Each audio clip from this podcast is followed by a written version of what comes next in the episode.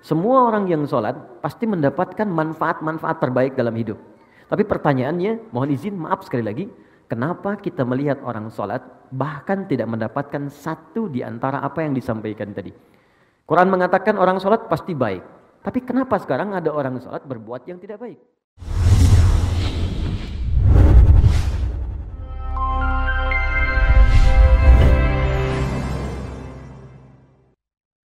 Bismillahirrahmanirrahim. Assalamualaikum warahmatullahi wabarakatuh. Alhamdulillah. Wassalatu wassalamu ala rasulillah wa ala alihi wa sahbihi wa man walah wa ba'du. فيا عباد الله أوصي نفسي وإياكم بتقوى الله فقد فاز المتقون فلا تموتن إلا وأنتم مسلمون فقال تعالى يا أيها الذين آمنوا اتقوا الله حق تقاته ولا تموتن إلا وأنتم مسلمون Saudara-saudariku, Bapak dan Ibu sekalian, eh, sahabat-sahabat yang tergabung dalam kajian musyawarah, semoga senantiasa dirahmati, disayang dan diampuni oleh Allah Subhanahu wa taala. Pertama saya mohon maaf saya duduk sedikit lebih tinggi dari teman-teman sekalian dan insya Allah tidak mengurangi kemuliaan Anda di hadapan Allah karena Anda tidak Allah tidak akan pernah melihat bagaimana posisi kita di atas atau di bawah tapi lebih kepada keikhlasan kita dan memperbanyak untuk beramal soleh di hadapan Allah Subhanahu wa taala. Kemudian yang kedua, teman-teman sekalian, hari ini saya akan melanjutkan uh, kembali apa yang telah kita kaji di pertemuan-pertemuan yang uh, telah terdahulu, yaitu terkait dengan fikih salat. Namun uh, seperti biasa saya akan berikan kesempatan untuk kita berdialog sehingga waktu kita bisa lebih efektif untuk mendalami tuntunan syariat dalam Islam sehingga hal-hal yang mungkin ingin dikomunikasikan atau kita ingin dapatkan solusi khususnya dalam bimbingan Al-Quran dan Sunnah Rasulullah SAW bisa kita dapati. Ya, eh, kita akan coba masuk dulu pada kajian kita sehingga kurikulum kita bisa tersambung. Ya, saya mohon izin kita membuat sebuah kurikulum supaya kajian kita teratur gitu ya dan ada bahasan yang jelas untuk dikaji. Kita di fikih solat karena ini memang yang paling dasar yang harus dikuasai oleh setiap muslim supaya manfaatnya kembali kepada kita. Jadi saya ingin berikan persepsi dulu supaya kita sama-sama benar persepsinya sesuai dengan ketentuan Al-Quran. Allah menyampaikan semua ibadah yang saya perintahkan itu sesungguhnya manfaatnya kembali kepada kita yang menunaikan. Bukan kepada Allah. Jadi even Allah memerintahkan kita sholat pun, Allah nggak butuh dengan sholat kita. Semoga langit dan bumi tidak menunaikan sholat, tidak akan pernah menurunkan status Allah sebagai Tuhan. Tetap Allah Tuhan. Tapi ternyata kata Allah, kita yang butuh dengan sholat itu. Karena saat kita menunaikan sholat dengan sempurna, maka semua manfaat sholat kembali kepada diri kita. Apakah itu sifatnya ketenangan? Orang sholat pasti akan cenderung jiwanya lebih tenang, kata Allah. Quran surah ke-20 ayat ke-14 digabungkan dengan Quran surah ke-13 ayat 28. Orang sholat dijamin oleh Allah hidupnya lebih bahagia. Quran surah ke-23 ayat 1 sampai dengan 2. Orang sholat dijamin oleh Allah doanya cepat terkabul. Anda dekat dengan orang tua, orang tua memberikan apa yang kita minta. Anda dekat dengan pimpinan di kantor, maka akses pekerjaan dimudahkan. Anda dekat dengan Allah, logika yang sama, apa yang tidak ada batas bagi Allah? Apa yang mustahil bagi Allah? Maka orang yang sholat, apa pun yang dia minta, selama panjang benar sholatnya, maka Allah akan cepat mengabulkan apa yang dia minta. Itu ada di Quran surah ketiga ayat 38 sampai 39. Bahkan nanti ada orang yang sering menyebut Allah dan dia sering disebut Allah. Saking disanjungnya oleh Allah, ada orang yang belum minta seketika kebutuhannya dipenuhi oleh Allah Subhanahu wa taala. Itu di Quran surah kedua ayat 152. Fadhkuruni adzkurkum. Zikir padaku, aku akan menyebutmu. Di antara makna zikir itu salat. Quran surah ke-20 ayat ke-14. Orang salat pasti baik. Karena itu Nabi mewasiatkan pada setiap orang tua supaya anak itu dari kecil dididik sholat. Nah, ini sering saya tekankan pada pendidikan sekarang nih. Ya ada teman-teman yang buka TK, SD dan sebagainya. Ini kadang tangganya melompat lebih jauh. Ya tangga kedua belum selesai, sudah naik ke tangga kelima. Anak TK sekarang fikih sholat belum selesai, fikih haji udah manasik gitu. ini untuk sinergi aja gitu ya. Baik, jadi Kenapa Nabi minta ajarkan anakmu dari sejak kecil sholat? Karena rahasia sholat selanjutnya akan membentuk pribadi baik. Itu rahasianya di Quran surah ke-29 ayat ke-45. Inna sholata tanha anil fahsya'i wal munkar. Sungguh solat yang ditunaikan dengan benar akan menjauhkan pelakunya dari dua sumber keburukan. Satu fahsya, dua mungkar. Tidak ada yang ketiga. Jadi prinsipnya semua orang yang sholat pasti mendapatkan manfaat-manfaat terbaik dalam hidup. Tapi pertanyaannya, mohon izin, maaf sekali lagi, kenapa kita melihat orang sholat bahkan tidak mendapatkan satu di antara apa yang disampaikan tadi? Quran mengatakan orang sholat pasti baik. Tapi kenapa sekarang ada orang sholat berbuat yang tidak baik? Fahsya dikerjakan. Fahsya itu kan termasuk pornografi, porno aksi, LGBT, kata-kata jorok, kata-kata kotor itu fahsya. Betapa banyak sekarang orang berkata yang kotor, menonton yang tidak baik, tapi juga sholat. Kan unik gitu. Mungkar itu jelas, semua yang diingkari hati. Sumbernya nafsu perut dan akal. Mencuri mungkar, membunuh mungkar, merampok mungkar, berselisih mungkar. Ini yang paling aneh, dalam hal sholat ada yang berselisih. Cuman gara-gara satu bismillahnya dikencangkan, yang satu sir, bisa jadi nggak temenan gitu. Cuman beda-beda, gara-gara beda majelis ilmu, bisa saling mencela. Padahal sama-sama sholat. Apa persoalannya? Maka kata Al-Quran, biasanya ada dua sumbernya. Satu, kebanyakan orang sholat kurang khusyuk atau bahkan tidak khusyuk dalam sholatnya. Itu di Quran surah kedua, ayat ke-45 sampai 46. Dan yang kedua, ini persoalan klasiknya, maaf, kata Al-Quran boleh jadi orang sholat itu tidak paham, tidak mengerti apa yang ia kerjakan dan ia baca dalam sholatnya. Jadi ruku tapi nggak ngerti yang dilakukan. Sujud nggak paham yang dibacakan. Ya bagaimana kita bisa khusyuk kalau kita nggak menikmati apa yang kita lakukan? Anda bekerja tapi tidak paham yang dikerjakan, kan nggak akan maksimal pekerjaan. Anda sholat tapi tidak mengerti yang dibaca, bagaimana bisa merasakan kenikmatan? Ada orang dulu baru takbir, saking nikmatnya dalam takbir dia, itu sakit di kakinya nggak kerasa. Sahabat Ali bin Abi Thalib itu masya Allah pernah kakinya itu terkena duri. Ya, kalau bahasa Jepangnya kacugak. Kena duri kecil gitu. Jadi eh, setiap disentuh sakit. Dipegang sakit-sakit sampai teman-temannya datang sahabat ingin mengambil sakit. Ya, kata satu orang, beliau mengatakan, "Udah, saya tahu kapan ngambilnya," katanya. Saya tahu kapan mengambilnya. Sekarang jangan diganggu. Begitu tiba waktu sholat, dikisahkan sholat zuhur, begitu beliau takbir, yang satu kawannya mengatakan ini saatnya. Begitu takbir diambil durinya nyaris tidak ada ekspresi apa pun di wajahnya. Yang tadinya baru disentuh ya, sentuh sedikit udah terasa gitu.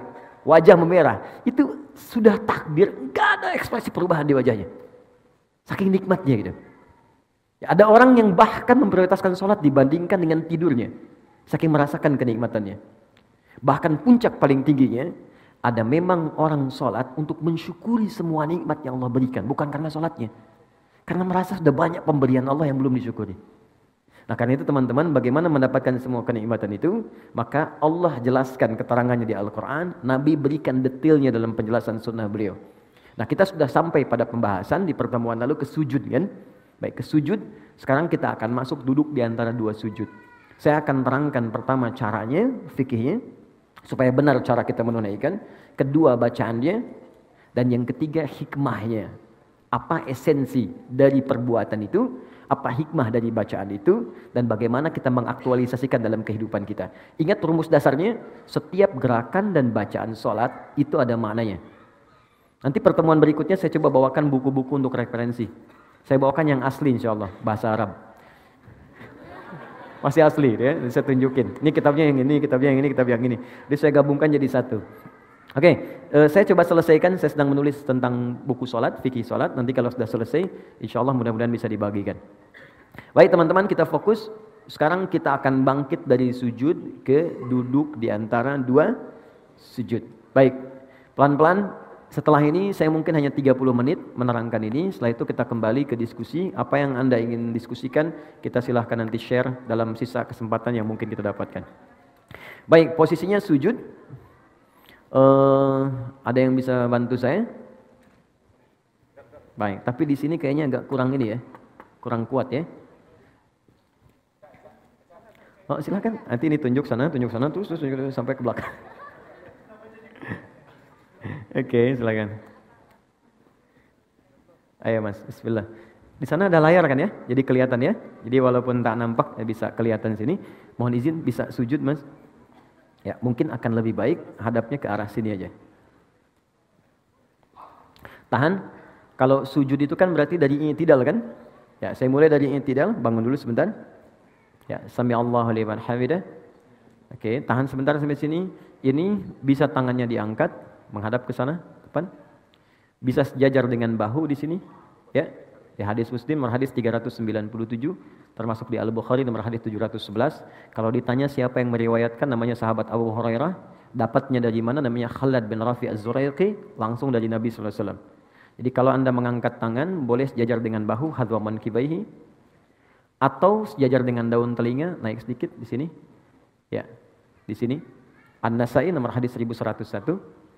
Kemudian dalam ruku kemudian yang tidak sami Allah liman hamidah, ini tangan ada tiga pilihan. Pertama, boleh diangkat sejajar dengan bahu di sini. Kedua, sejajar dengan daun telinga. Atau yang ketiga, mursal, tangan tidak mengangkat sama sekali. Cukup kita bangkit, sami Allahu liman hamidah. Ini biasanya dipraktekkan yang ketiga di mazhab Maliki. Ya, dari Imam Malik. Sekarang penyebarannya di Afrika Utara dengan wilayah Mediterania. Jadi misalnya ada Libya, Tunisia, Maroko, Aljazair, Maroko itu combine dengan Syafi'i, nyebrang sedikit ke Italia, ke Spanyol, ke Prancis, daerah sana, ah, itu Maliki. Jadi kalau bismillahnya nggak dibaca, kalau sholat tangannya langsung begini. Jadi begitu dia begini, misal anda sedang umroh nih ya, di Ka'bah atau sedang haji, mudah-mudahan yang belum berangkat bisa segera insya Allah. Nah, tidak cukup dengan amin nabung. Jadi kalau anda sedang lihat orang begini depan Ka'bah, nah, jangan diajak ngobrol. Itu sedang sholat. Nah, tiba-tiba dia ruku misalnya kan, atau yang tidak dia angkat tangan itu maliki. Baik. Sami Allah liman hamidah. Sekarang kemudian sujud. Perhatikan baik-baik. I'tidal, jangan langsung sujud. Kata Nabi, hatta ta'tadila qa'iman. Sampai engkau tegak berdiri dengan sempurna. Jadi begitu ini turun, Sami Allah liman hamidah, Rabbana wa lakal. Ingat maknanya? Masih ingat hikmahnya? Orang yang rukunya benar kepada Allah. Ruku itu artinya taat, patuh. Di ruku itu filosofisnya, Bukan sekedar diminta formalitas ruku dan lurus semua tidak. Tapi ini gambaran kepatuhan kepada Allah. Karena orang Romawi dulu, orang Persia ketika menghormat kepada rajanya, itu mereka ada yang ruku begini. Ada yang sujud. Dan itu gambaran patuh sempurna. Jadi kalau diperintahkan, mungkin teman-teman lebih tahu lah film-film kolosal masa lalu kan. Kalau prajurit diperintahkan kan ada kepatuhan, siap gitu kan. Dan dia mengerjakan apa pun termasuk mengorbankan nyawanya. Maka Allah meminta kepada kita, Anda pada manusia aja bisa patuh sempurna. Kenapa pada saya yang menciptakan Anda nggak patuh sempurna? Maka dibalik oleh Allah, rukulah yang sempurna. Makanya saat ruku semua diminta sempurna. Dari kepala sampai bagian belakang. Diurutkan. Ini gambaran kepatuhan kita kepada Allah. Makanya kita katakan subhana rabbiyal azim wa bihamdi. Ya Allah, kalau ada orang yang dihormati oleh orang lain dalam kehidupan, ada makhluk yang disanjung, maka tidak ada yang paling tinggi, paling azim ketuanya engkau. Subhana rabbiyal azim dan aku puji engkau. Nah orang-orang yang rukunya benar kepada Allah, dia patuh pada Allah, diminta dikerjakan, suruh ditinggalkan, dia tinggalkan, maka Allah akan angkat derajatnya. Jadi iman itu kalau sudah kuat, tandanya patuh. Makanya iman sering disertakan dengan amal soleh. Amal soleh itu ujian kepatuhan. Quran surah 103. Ya, Wal innal insana lafi khus illa amanu wa amilus salihat. Jadi kalau orang sudah beriman, itu tandanya tanda patuh. Diuji dengan amal soleh. Ada sholat. Makanya sholat dibuka dengan kalimat iman. Alladzina yu'minuna bil ghaib wa yuqimuna sholah. Iman dulu, baru sholat. Puasa dibuka dengan iman. Al-Baqarah 183. Ya ayuhalladzina amanu kutiba alaikumus. Siap. Iman dulu, baru sholat. Artinya, kalau kita sudah ruku, kita itu siap patuh. Kata Allah kerjakan, kerjakan. Kata Allah tinggalkan, tinggalkan. Dan kata Allah, aku nggak butuh dengan itu, ini untuk kamu. Makanya orang-orang yang imannya sempurna, maksudnya patuh, maka Allah akan angkat derajatnya. Maka digambarkan lewatnya tidak. Allah mengangkatnya dengan sempurna. Itu dalilnya ada di Quran surah ke-58 ayat 11. Yarfa'illahu alladhina amanu minkum. Allah akan angkat derajat orang-orang yang sempurna imannya di antara kalian. Ditunjukkan dengan kepatuhan. Begitu diangkat dikatakan sami Allahu liman hamidah. Ya Allah saya mendengar apa yang kau perintahkan saya patuh. Samina wa ta'na. Ya, hamidah, saya puji engkau dengan segala kemuliaan kau berikan kepada saya. Maka Allah katakan, kau mau minta apa saya berikan. Maka kita katakan, masih ingat di pertemuan lalu? Ya, sami Allah liman hamidah, Rabbana wa lakal hamd. Mil as-samawati wa mil al-ardi wa mil syi'ta min. Kata Allah, silahkan kamu minta apa pun sekarang. Mau sepenuh langit, sepenuh bumi, atau antara langit dan bumi, atau antara apa yang belum aku sebutkan engkau ingin mintakan. Minta sekarang.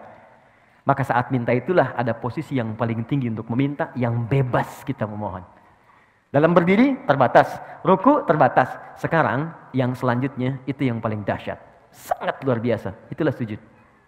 Tapi ada rahasia setelah sujud, itu pun sangat istimewa. Maka kita diminta sujud, turun, ruku, kemudian yang tidak, kemudian sujud, kita lihat, tahan, up, berhenti.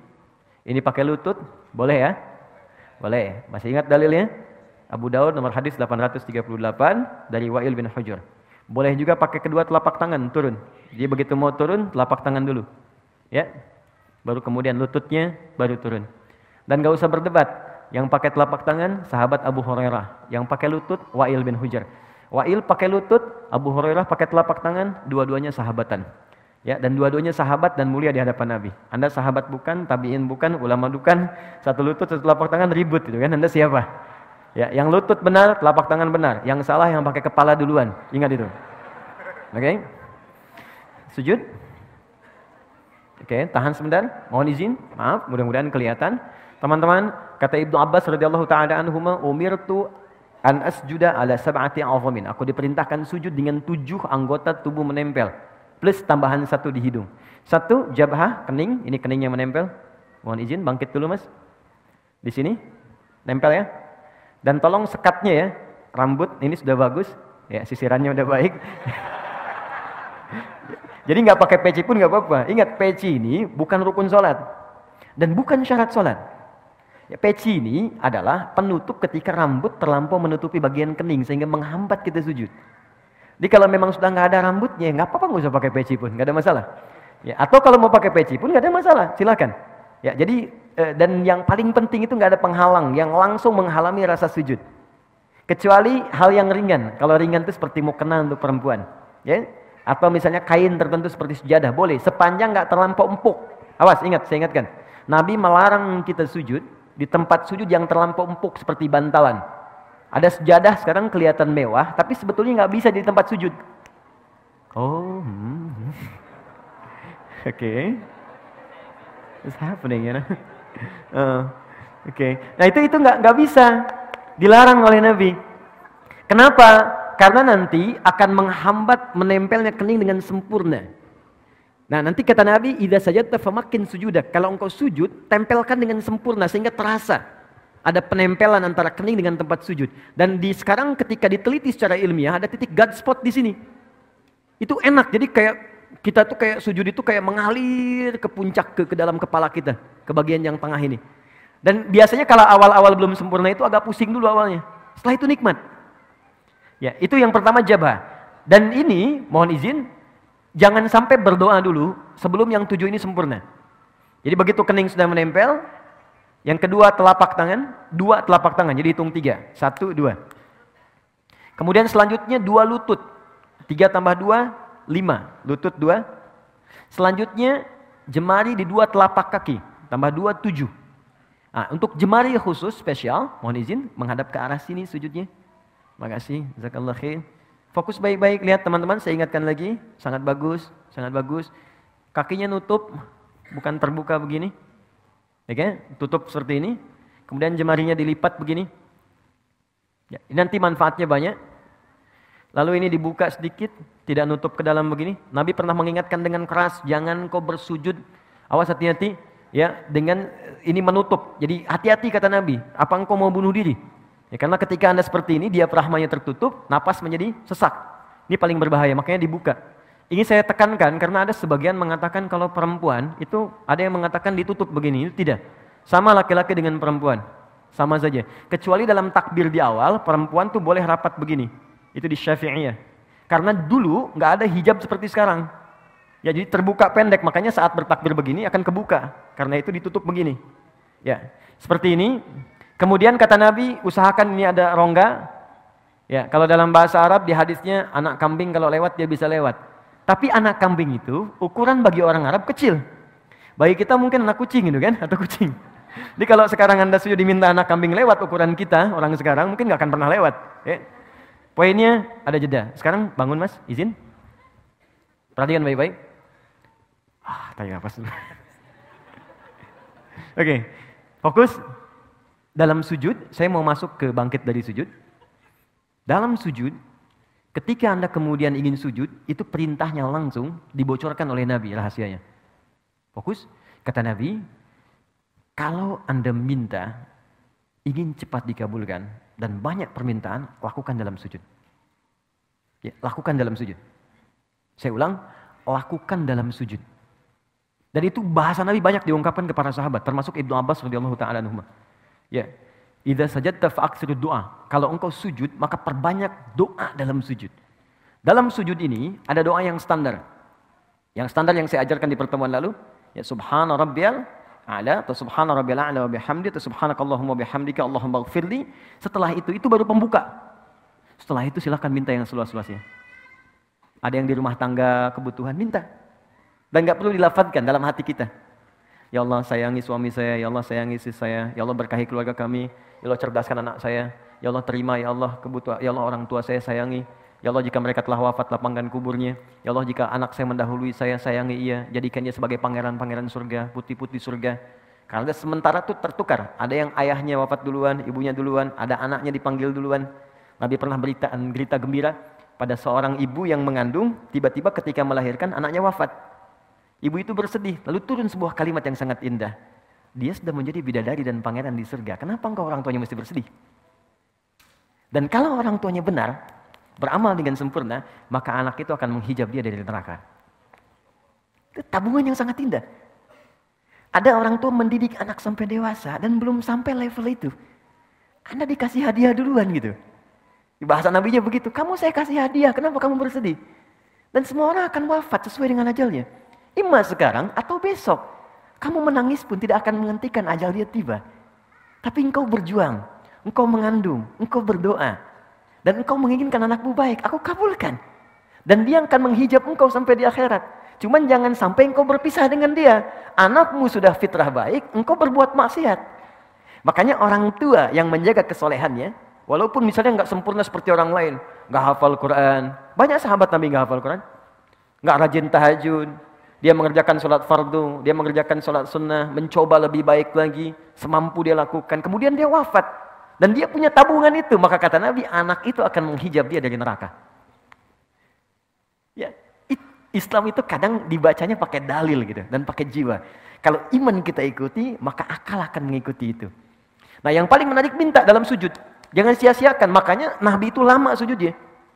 Banyak orang salah persepsi, mengira sujud terakhir yang paling lama. Yang hanya lama, maaf, yang hanya lama. Padahal setiap sujud itu lama. Cuman yang terakhir itu kenapa lebih lama? Karena Nabi itu rindu menunjuk sujud berikutnya.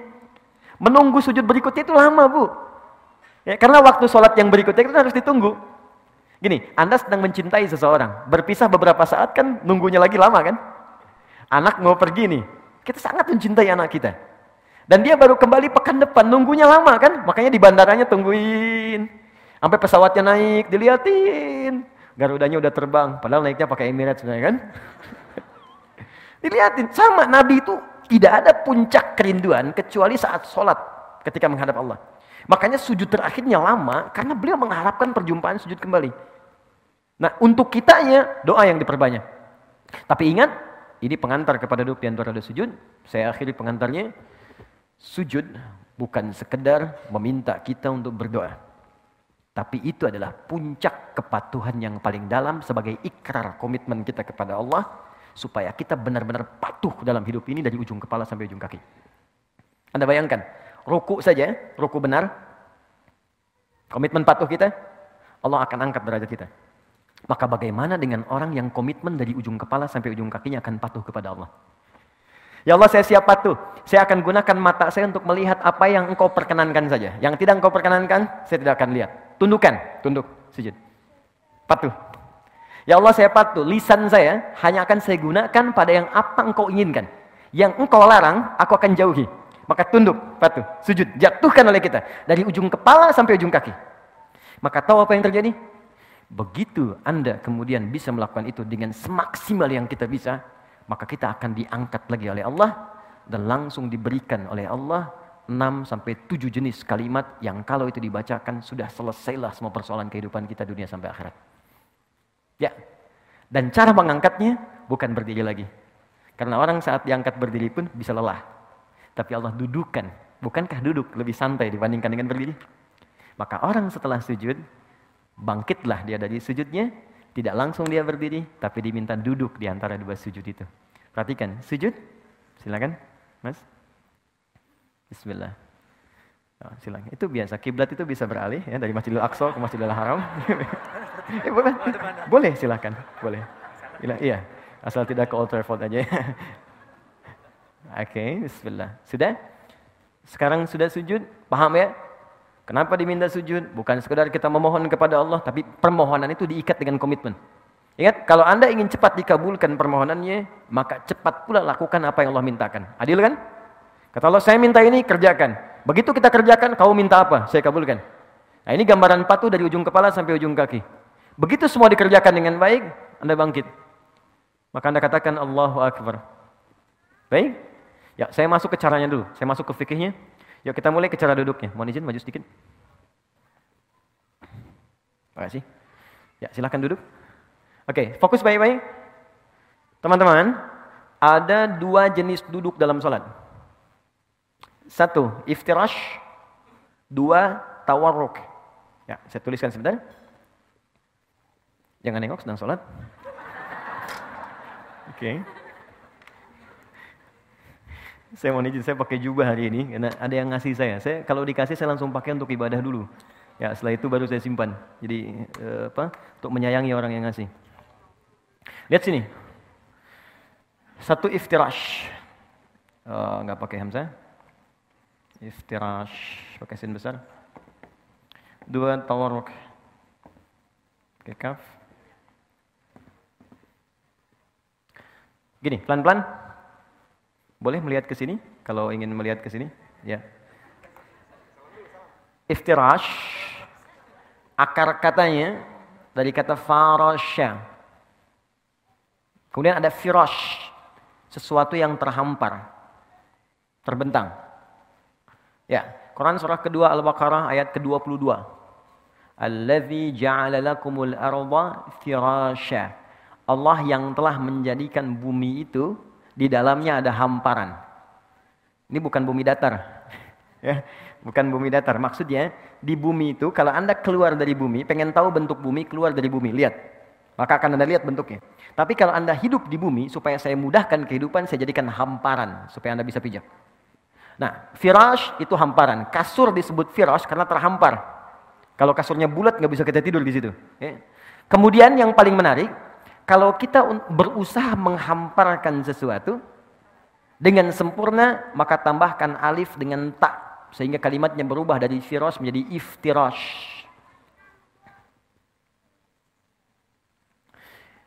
Duduk iftirash adalah duduk yang berusaha menghamparkan bagian ujung kaki sampai dengan ke lutut bagian depan.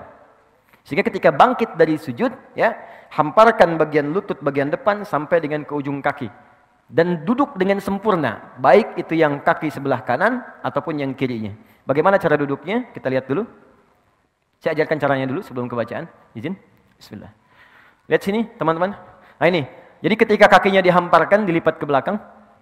Jelas kemudian yang kedua mohon maaf ini kaki bagian belakang yang jarinya dilipat ini bagus sekali nah yang ketiga, ini yang paling penting. Ada bagian kaki kiri yang sebagiannya itu dihamparkan ke arah dalam untuk diduduki. Seperti firas kasur kan kita hamparkan untuk diduduki, ditiduri gitu kan. Ini seakan-akan tumpuan bagian belakang tubuh kita itu menduduki bagian kaki sehingga disebut dengan iftirash namanya. Jelas ya? Baik. Ini hamparkan kaki yang bagian dalam seperti ini, bagus, angkat sedikit, maaf. Ini seperti ini. Ini yang disebut firashnya. Iftiras melipat kaki yang ini, menghamparkan yang ini, melipat kaki bagian yang kiri, lalu diduduki. Ya, jelas ya? Baik, jadi seperti ini. Ini sudah bagus sekali. Yang ini dilipat jarinya. Ah, seperti ini. Awas hati-hati, ada sebagian beberapa kesalahan. Seperti ini, misal kiri, kemudian kanan begini, lalu begini. Ya, ini cara duduk yang tidak tepat. Ini kelihatan? Ah, baik ya. Atau begini. Ya, kelihatan? Yang kiri dilipat yang kanan, ditumpu baru begini. Ini cara duduk yang tidak tepat. Ya, jadi yang tadi yang sempurna, tapi kalau sedang ada darurat, ada kendala di lutut yang kanan, jangan dipaksakan dilipat ya. Itu boleh. Kaidah fikihnya ad-darurat tutubihul mahdharat. Yang darurat boleh melakukan yang dilarang. Misal, saya nggak bisa begini, bisanya ke depan. Dalam kaki ada masalah, boleh ke depan begini. Ya. Dan yang samping nggak usah negur. Woi, nggak sopan. Dia bilang batal sholatnya tuh. Ya, dua-duanya batal. Oke. Kalau ngobrol. Oke, satu sudah. Kedua, badan tegak. Yang ini. Dia tidak maju ke belakang, tidak mundur juga, dia tegak sempurna. Tiga, posisi tangan. Tangan ada dua posisinya. Bisa di sini, pas di paha, di atas lutut. Ya, lebih enak begini. Di paha di atas lutut begini. Atau bisa turun sedikit ke lutut begini. Jelas ya? Jadi bisa sama laki-laki dan perempuan tidak ada beda, bisa di sini, di sini, atau turun sedikit. Jelas? Oke, kalau sudah jelas, posisi ini harus dilakukan dulu sebelum kita berdoa. Jadi bukan naik langsung doa. Bahkan ada yang belum duduk udah berdoa. Robbik firli warhamni duduk aja belum gitu. Ya. Jadi Nabi mengajarkan duduk dulu dengan sempurna supaya darah mengalir dengan nyaman dulu. Kitanya enak dulu. Jadi berdoa dalam keadaan enak. Seperti begini. Teman-teman kalau doa bangun tidur apa? Hah? Kullu nafsin dha'iqatul maut. Alhamdulillahilladzi ahyana ba'da amatana wa ilaihin. Oke, tapi itu kan tahap ketiga. Mana tahap pertama keduanya? Kembalikan ke hadisnya di Ibnu Abbas. Hadisnya di Abu Daud dari Ibnu Abbas radhiyallahu taala anhuma nomor hadis 1369. Ya, jadi kata Ibnu Abbas, kanan Nabi sallallahu alaihi wasallam ya adalah Nabi sallallahu alaihi wasallam idza staiqadha min naumihi, kalau bangun dari tidurnya itu enggak langsung doa. Ini bukan bangun berdoa, tidak. Fajalasa, maka duduk sebentar. Duduk dulu. Di sunnahnya begitu bangun duduk. Wa athara biyadihi ya wa masaha biyadihi min athara naumi. Wa masaha biyadihi min athari naumi. Kemudian menghapuskan, menghilangkan dengan bagian tangan yang diduga bersih. Makanya sebutnya yad. Ya, kalau ini duga bersih pakai ini, kalau ini duga bersih pakai ini, boleh. Karena nanti kalau diduga kotor, sunnahnya cuci dulu. Karena kita nggak tahu bagian mana yang menyentuh sesuatu yang kotor saat kita tertidur. Ada kotoran misalnya tersentuh dan sebagainya. Ya. Maka hapuskan dulu bekas ngantuknya. Setelah ngantuknya hilang, baru berdoa. Jadi bukan berdoa saat ngantuk. Karena ada orang baru kemudian baru bangun duduk begini sudah berdoa. Alhamdulillahilladzi Ini berdoa dalam keadaan nggak sadar. Saya ingin tunjukkan betapa Islam itu meminta kita mengerjakan sesuatu dengan pemahaman yang utuh. Jadi bukan mengerjakan sesuatu, tapi kita nggak sadar. Bahkan ada orang belum baca doa, baru duduk sudah nggak sadar. Ya bangun setengah tiga pengen tahajud, baru duduk masih begini. Begitu bangun udah jam lima gitu. Ya. Sadar. Ah, jadi sempurna dulu, duduk sempurna seperti tadi. Itu sudah bagus sekali duduknya. Setelah itu baru kemudian baca doanya. Baik, oke. Okay, sekarang kita bacakan doanya. Jadi ada tiga jenis doa. Oke, okay, ada tiga jenis. Ah, ini spesial nih, saking spesialnya cahaya mengkondisikan. Oke. Okay. Yang pertama ada yang singkat. Rabbil firli, Rabbil firli. Diulang dua kali. Oh, enggak pakai oh, Rabbil firli. Rabbil firli. Singkat sekali. Ya, Rabbil firli. Oke. Okay. Saya ulang ya. Anda boleh ikuti. Rabbil firli. Rabbil firli. Cukup sekali kita ucapkan. Rabbil firli, ulang sekali lagi. Ini dua kali disebutkan. Rabbil firli, Rabbil firli. Ini bagian pertama. Hadis sahih. Tahan. Dua, ada yang sampai tiga lafaz. Rabbil firli, warhamni, warzuqni. Sampai tiga lafaz. Ada yang sampai empat sampai lima lafaz. Rabbil firli warhamni wajburni warfa'ni warzuqni.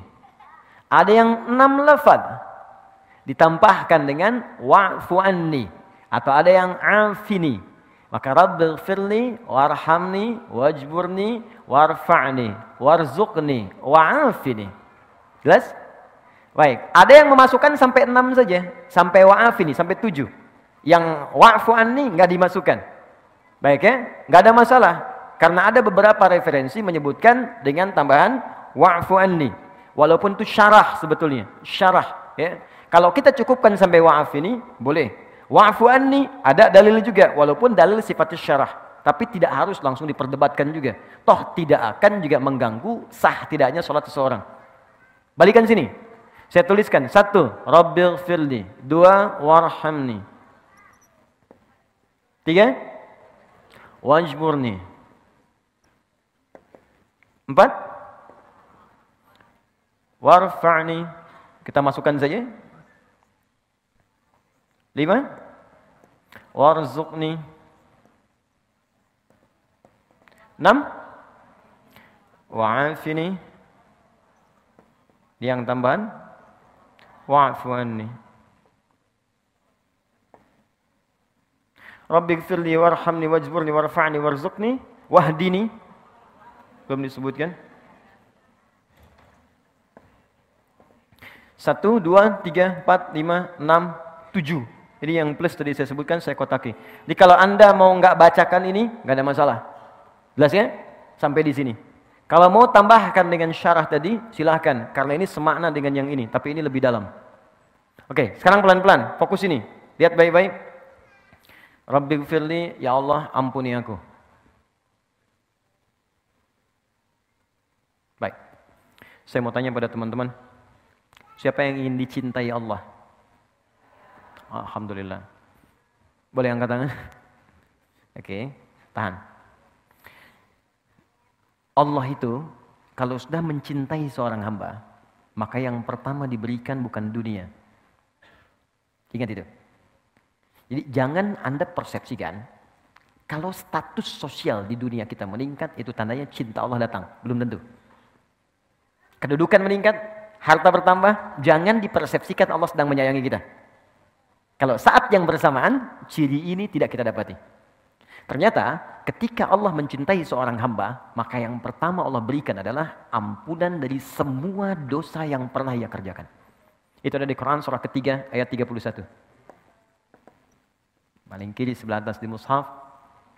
Qul in kuntum tuhibbunallaha fattabi'uni yuhibbukumullahu wa yaghfir lakum dzunubakum.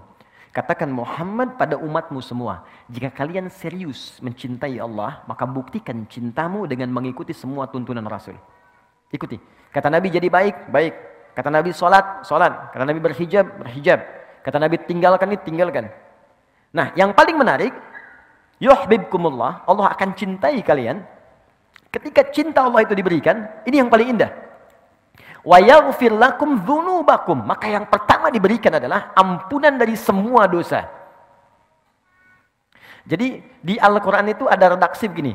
Ada dzunub, ada zambun. Zambun itu satu kali dosa. Sekali dosa. Itu ditemukan misal di Quran surah ke Ghafir, surah ke-40 ayat 3. Ghafiri dzambi wa qabili taubi Ghafiri dzambi, aku turunkan sifat ghafir dzambi untuk mengampuni orang yang berbuat satu kali dosa. Jadi kalau Anda misal ya berbuat salah sekali nih, mata salah lihat nih. Salah lihat. Ya, ada gambar yang tidak layak dilihat, salah. Yang paling aneh lisannya istighfar. Astagfirullah, salah nih. lisan istighfar tapi mata ngelihat kan. Baik, salah itu Ketika sekali berbuat salah, kata Allah, saya nggak akan biarkan hambaku pulang kepadaku dalam keadaan kotor dengan dosa. Engkau lahir bersih, kenapa pulang kotor? Maaf ya, jangankan Allah gitu. Ibu punya anak, teman-teman punya anak, pulang ke rumah dengan kaki kotor kan kita nggak mau kan? Nah kotor cuci dulu kan, baru masuk rumah. Anda pengen ke surga, badannya kotor, ya Allah yang punya nggak akan mau. Kamu kotor bersihin dulu. Makanya kata Allah, satu titik kotoran pun melekat pada dirimu, aku ingin kau bersihkan dulu. Aku turunkan sifatku namanya ghafir. Engkau minta ampun padaku, aku ampuni dosamu walau sedikit. Tapi pertanyaan saya, siapa yang punya dosa sedikit? Eh, yang punya dosa sedikit angkat tangan, saya pulang. Oke, mata berapa kali berbuat salah? Telinga salah dengar, lisan salah ucap. Ya? Pikiran juga sudah salah. Ustadz belum datang, udah 30 menit, ke mana sih Ustadznya? Iya ya. Oke, kaki berapa kali salah melangkah? Udah banyak dosanya. Maka ketika itu diakumulasikan, kemudian dikumpulkan, maka berubahlah kemudian kalimatnya dari zambun menjadi zunubun. Nih, bentuknya jama, plural. Pindah ke sini. Yang paling dahsyat kata Allah, maaf ya, cinta Allah itu kalau sudah diberikan, maka dia tidak akan kenal batas. Bahkan pendosa yang paling buruk pun dalam hidupnya, kata Allah, aku akan berikan peluang untuk mendapatkan cintaku. Ketika Allah memberikan cintanya, kalimatnya bukan menggunakan zambun, tapi zunub. Yuhibbukumullah, ketika Allah mencintai anda, wa yaghfir lakum dzunubakum, maka aku akan kampuni semua dosa-dosa yang pernah kau kerjakan. Anda jangan takut. Kita itu sama, sepanjang kita mau mendekat. Bahkan ada ayat indah sekali. Ayat ini turun pada pelaku dosa besar yang sudah pesimis. Jadi dia udah menyimpulkan, udahlah. Ini saya lihat wajah saya ini wajah neraka nih. Udah banyak salahnya, udah hitam, udah lumpur begini nih. Orang memandang nih gak ada kesempatan ke surga, udah pokoknya jelek. Setiap orang melihat saya jelek semuanya. Dia pernah berzina, dia mabuk, dia kriminal luar biasa. Tapi tahukah anda? Tiba-tiba pada orang ini turun satu ayat yang sangat indah. Yang membuat orang itu jatuh tertunduk dan tobat di hadapan Allah. Ayat indah. Quran surah 39 ayat 53.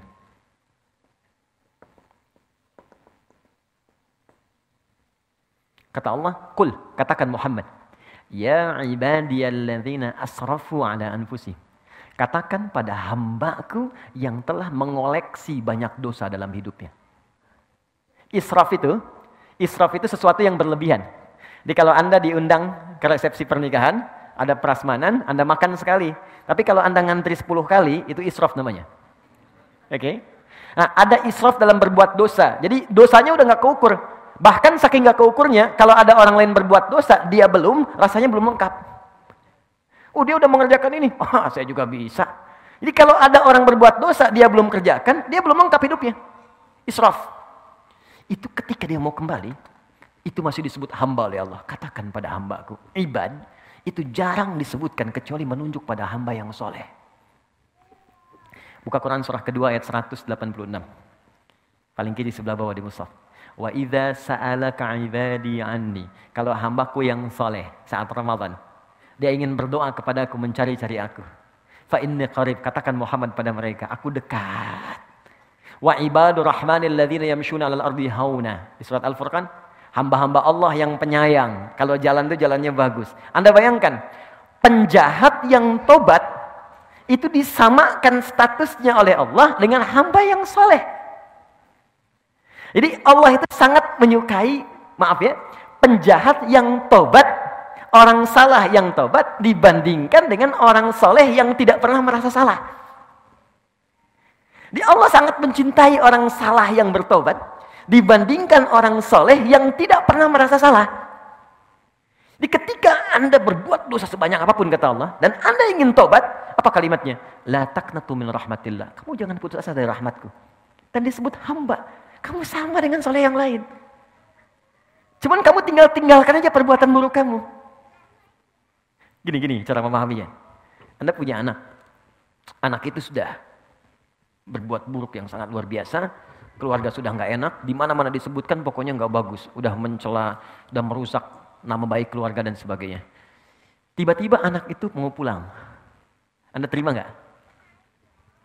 Terima. Oke, ketika melihat, dilihat disambut dengan senyuman? Belum tentu. Ngapain kamu ke sini? Oh, kamu bukan anak saya lagi. Oh, lantas anak siapa? Oke, itu hamba. Tapi Allah tidak. Begitu seorang pelaku maksiat yang paling tinggi pun ingin bertobat, langsung disebut dengan kalimat ibad. Kuliah ibadiyalladzina asrafu. Katakan hambaku, ya hambaku sini. Kau mau tobat? Jangan putus asa dari rahmatku. Inna Allah, teruskan ayatnya. Inna Allah yaghfiru dhunuba jami'ah. Allah akan mengampuni semua dosa-dosa yang pernah kau kerjakan. Kenal Fir'aun? Hmm. Oke. okay. Ya. Nih ya. Fir'aun, sefir'aun Fir'aunnya. Catat kalimat saya nih. Fir'aun, sefir'aun Fir'aunnya. Fir'aun tuh gelar bagi raja di Mesir, Farao, bahasa Arabnya Fir'aun. Hobinya bunuh orang.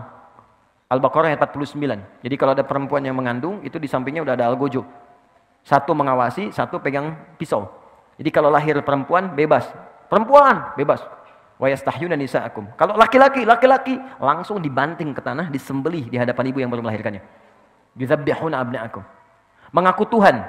Ana rabbukumul a'la. Saya Tuhanmu yang paling besar. Firaun. Orang sekarang paling banter ngaku nabi. Firaun ngaku Tuhan. Tapi itu tidak menghalangi kasih sayang Allah untuk memberikan dia hidayah. Kita sekarang sampai kiamat nabinya cuma satu, nggak pernah lihat lagi Nabi Muhammad. Firaun langsung dua nabi, anda bayangkan. Musa dan Harun. Quran surah ke-20 ayat 43 sampai 44. Idhaba ila fir'auna innahu tagha. Musa dan Harun pergilah kepada Firaun, dia sudah mulai melampaui batas. Faqula lahu qawlan layyina la'allahu yatadhakkaru aw yakhsha. Coba ingatkan dia dengan kelembutan. Mungkin dengan lembut itu dia akan sadar dia salah. Anda bayangkan, saking rahmannya Allah, saking rahmannya Allah, seorang yang mengaku Tuhan, hobinya bunuh orang, itu masih diberikan kesempatan dapat hidayah supaya balik lagi. Sampai nyawa itu di tenggorokan itu. Jadi, maksud saya gini, kalau Allah sudah tawarkan sifat yang sempurna ini, Anda belum bertobat juga, Anda butuh apa lagi untuk berubah? Anda akan wafat. Lihatlah ke cermin, kamu akan wafat. Innaka mayyitun fa innahu mayyitun. Kamu wafat. Sesuatu kamu akan pulang. Masa pulang dalam keadaan kotor? Apa enggak malu kamu lahirnya bersih, pulangnya kotor? Dan itu dibuka di hadapan Allah semua. Nah poinnya adalah ketika Allah mencintai seorang hamba, maka dia akan mendapatkan ampunan dari dosa. Yang paling menarik, fokus baik-baik. Yang paling menarik, artinya kalau ada seseorang yang diampuni dosanya oleh Allah, maka dia sudah mendapatkan cinta Allah Subhanahu wa taala. Fokus dari sini. Satu. Kata ini, Rabbighfirli, Rabbighfirli adalah kalimat permintaan kepada Allah untuk memohon supaya dosa-dosa kita diampuni oleh Allah Subhanahu wa taala. Kalimat pengampunannya wa yaghfir, yaghfir lakum dzunubakum. Ketika kita memohon untuk diampuni, robah kalimat ini ke bentuk permintaan. Ighfir, rabbighfirli. Ya Allah, ampuni dosaku. Ketika Anda meminta persamaan terbaliknya, Ketika Anda meminta diampuni dosa, saat bersamaan, bukankah Anda meminta dicintai oleh Allah? Karena orang yang diampuni dosa, persamaan terbaliknya akan mendapatkan cinta Allah. Jelas? Oke, sekarang kenapa kalimat ini boleh disebutkan tanpa menyebutkan kalimat yang lainnya? Rabbik firli, Rabbik firli. Jadi teman-teman kalau sedang buru-buru, misal maaf ya, sedang jamak kosor, atau sedang di perjalanan, itu ketika duduk di antara dua sujud, Anda tidak harus menyempurnakan semuanya. Boleh cuma baca ini dua kali diulang. Rabbik firli, Rabbik firli. Tapi dibacanya pakai hati, bukan cuma di lisan. Maksudnya dikeluarkan di lisan, dikuatkan oleh hati. Rabbik firli, Rabbik firli. Ketika Anda bacakan itu, perhatikan cara bacanya, fokus baik-baik. Karena ini kalimat yang sangat menentukan. Kalau Anda benar bacanya, maka Anda akan mendapatkan cinta Allah. Ini poinnya. Nah, apa gambaran bagi orang yang dicintai oleh Allah? Orang yang sudah dicintai oleh Allah, maka apa pun yang ia inginkan dalam hidupnya, Allah akan kabulkan. Sepanjang itu ia butuhkan. Bahkan ada orang yang belum pernah minta, Allah langsung berikan. Anda cinta pada anak Anda. Anak Anda minta sesuatu bukan karena belikan. Kalau Anda mampu. Anda dicintai Allah. Apa yang mustahil bagi Allah untuk diberikan pada kita? Ya, jadi kalau kita benar-benar minta ampun yang serius, itu Cinta ini akan turun dan cinta itu persamaannya pemberian. Pasti orang yang mencintai objek tertentu pasti akan memberikan apa yang ia inginkan. Pemberian. Anda cinta istri Anda atau suami Anda, maka Anda akan persembahkan yang terbaik. Masak yang paling enak, berikan hadiah yang paling bagus, anak-anak disayang dengan baik, gitu kan? Allah mencintai kita, maka apa pun yang kita minta pasti diberi. Selama itu kita butuhkan. Makanya ada di antara orang soleh yang dalam hidupnya selalu mengucapkan kalimat ini, istighfar supaya mendapatkan cinta Allah. Ada tukang roti, Di zamannya Imam Ahmad bin Hambal, sekitar tahun 164 sampai 170 Hijrah. Ya. Itu kebiasaannya setiap menanak adonan, bikin adonan, dia istighfar. Astagfirullah, astagfirullah, astagfirullah. Berhenti istighfar lagi, mau jalan istighfar lagi. Tiba-tiba, ini kisah menarik. Imam Ahmad datang ke Mesir. Perjalanannya cukup melelahkan, saking lelahnya singgah di satu masjid. Begitu singgah di masjid itu, ketahuan sama DKM, marbotnya lagi. Ya, begitu sedang tiduran kata marbotnya, "Eh, ukhruj. Jangan tiduran di dalam, keluar." Imam Ahmad itu sangat populer, sangat dikenal ulama, cuman kan zaman dulu nggak ada seperti sekarang. Ya, foto, gitu kan? Orang ketemu ulama, ustadz dulu minta doa, sekarang kan minta foto. Oke. Ada yang uh, pasang status macam-macam. Jadi dulu tuh zaman dulu nggak ada, nggak ada foto, nggak ada handphone. Makanya tahu Imam Ahmad terdengar namanya, tapi nggak pernah lihat orangnya. Dan ini marbot nggak kenal, itu Imam Ahmad. Keluar aja katanya. Ukhrud. Imam Ahmad pun nggak bilang saya Imam Ahmad tidak. Beliau tahu fikihnya. Ini boleh istirahat dalam masjid di wilayah tertentu. Disuruh keluar. Kata Imam Ahmad, saya sedikit aja keluar. Barwah katanya. Barwah. Barwah itu lebih kasar. Maka duduk di luar, di pelatarannya. Orang itu datang lagi, ente roh, roh, roh. Itu paling kasar. Jadi kalau ukhruj masih sopan keluar. Barrah kasar.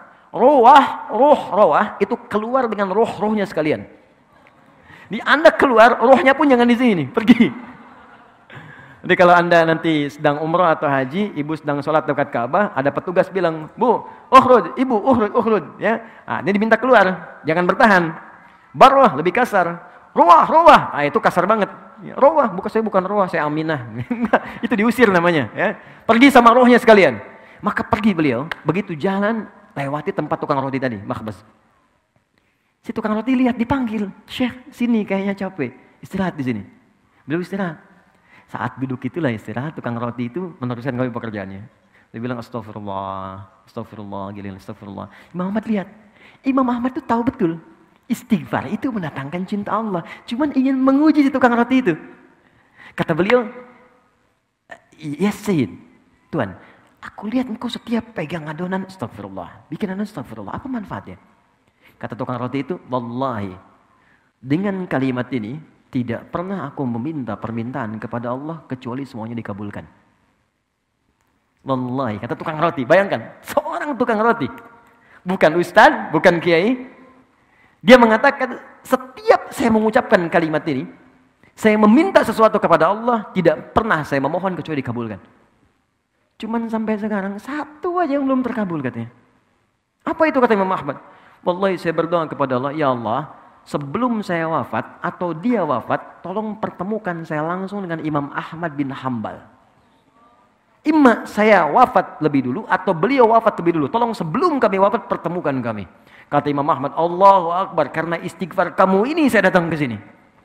Karena istighfar kamu ini saya tiba-tiba pengen ke sini. Saya istighfar kamu ini saya sampai dikeluarkan dari masjid, Pak itu rumah Allah. Hanya untuk diantarkan kepada tempatmu karena istighfarmu. Allahu Akbar. Dan jangan lakukan itu pada saya. Ini. Tapi kalimat ini itu bukan kalimat yang sekedar diucapkan di lisan, bukan. Kalimat yang disertai dengan penghayatan pada jiwa. Untuk mendapatkan cinta. Karena cinta itu muaranya hati. Ke jiwa. Lihat sini. Fokus. Ya Allah ampuni saya. Berarti minta apa? Minta ampun. Kalau minta ampun berarti ada yang apa? Yang salah kan? Kalau salah berarti apa? Dosa kan? Oke, sekarang kalau kita sudah paham ini, artinya kita minta ampun karena merasa salah. Mustahil orang minta ampun kalau nggak ada salah. Anak Anda nggak akan minta maaf pada orang tuanya kalau nggak ada kesalahan.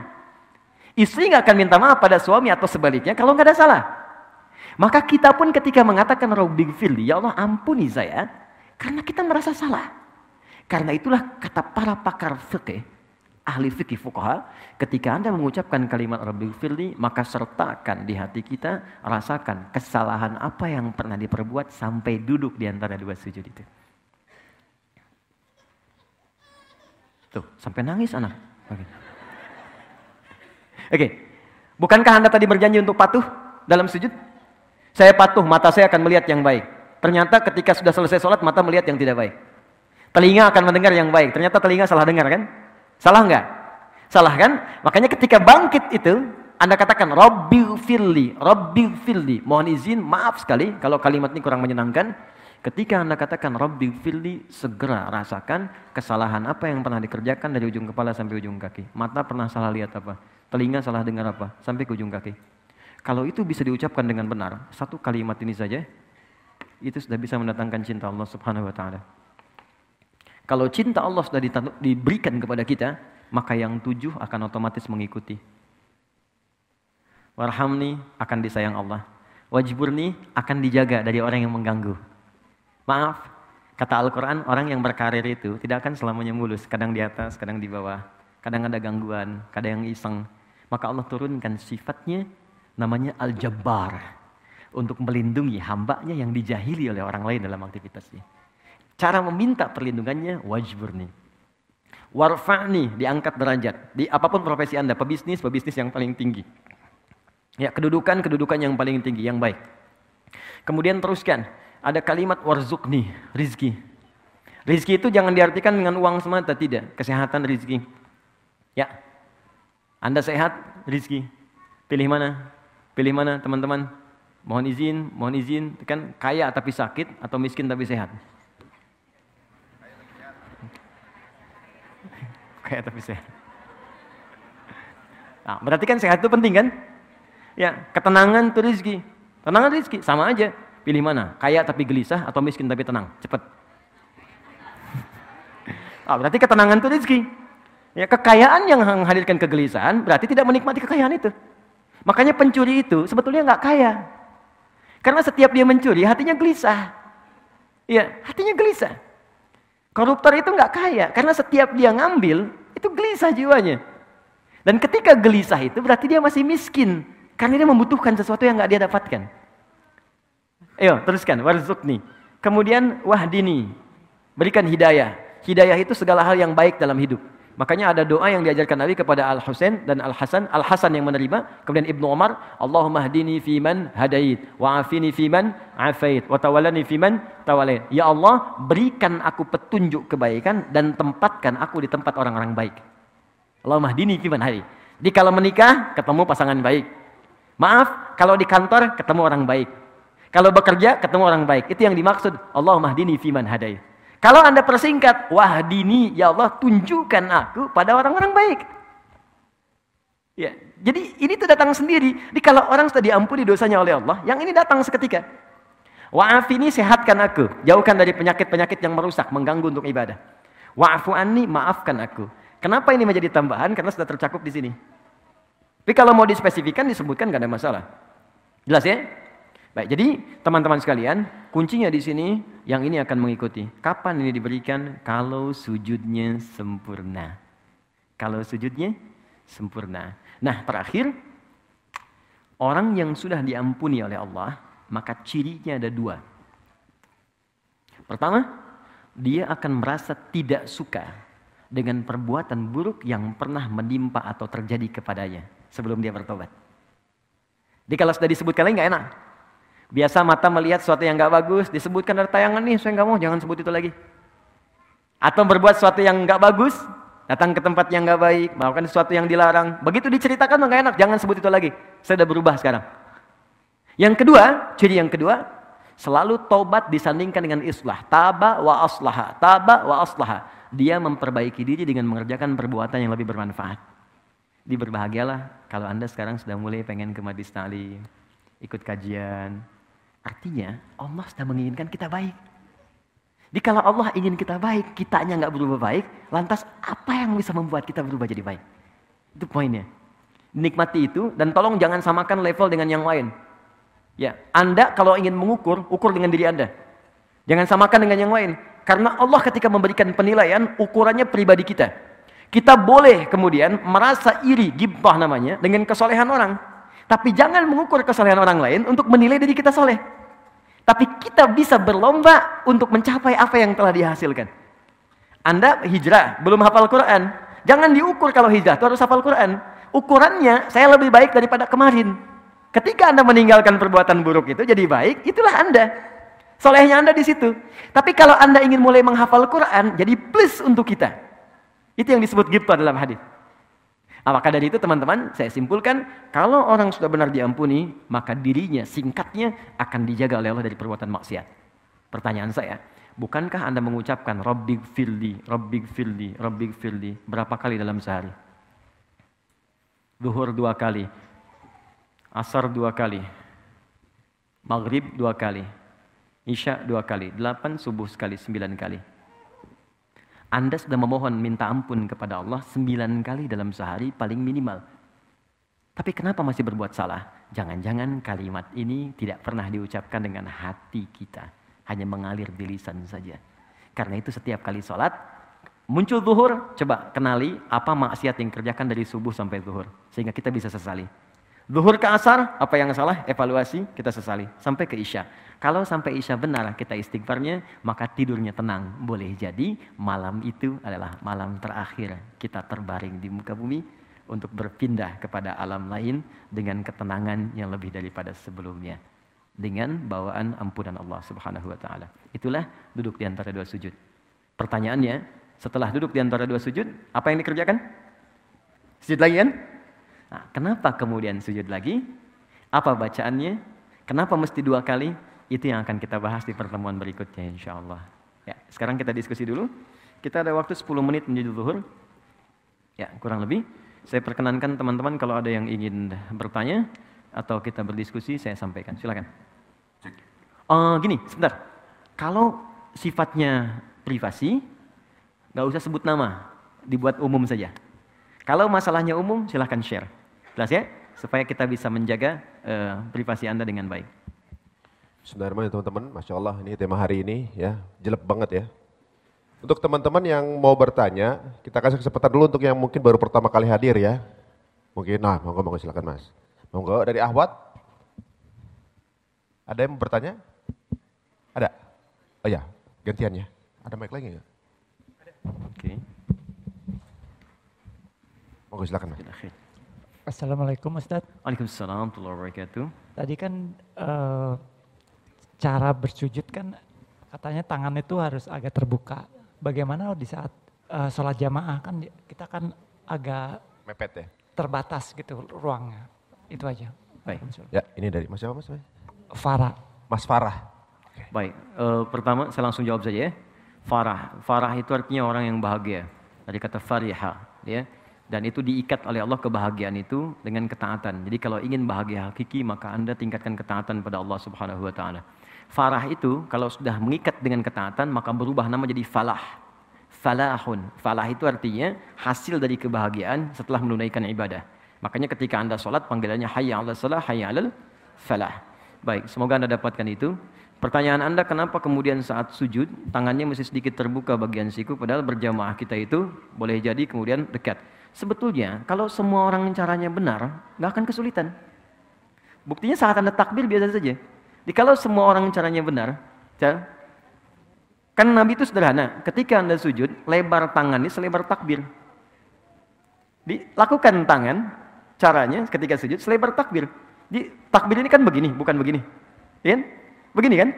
Takbir begini, bisa di bahu, bisa sejajar dengan daun telinga. Dan ini ketika sujud tidak ada yang berubah. Segini saja. Di ketika takbir kan begini, tangan dibuka kan? Ya kan? Allahu Akbar. Ya kan? Tangan di sini kan? Oke? Okay? Baik. Bagi yang perempuan, sama, tidak ada beda dengan laki-laki. Cuman di kalangan asy-syafi'iyah, ada yang berpendapat perempuan sedikit rapatkan begini. Kapan fatwa itu muncul? Dalam kondisi ketika kain yang dia gunakan menutup secara terbatas. Karena dulu nggak seperti sekarang, ada mau kena macam-macam. Makanya ketika dibuka begini, tersingkap sebagian kainnya.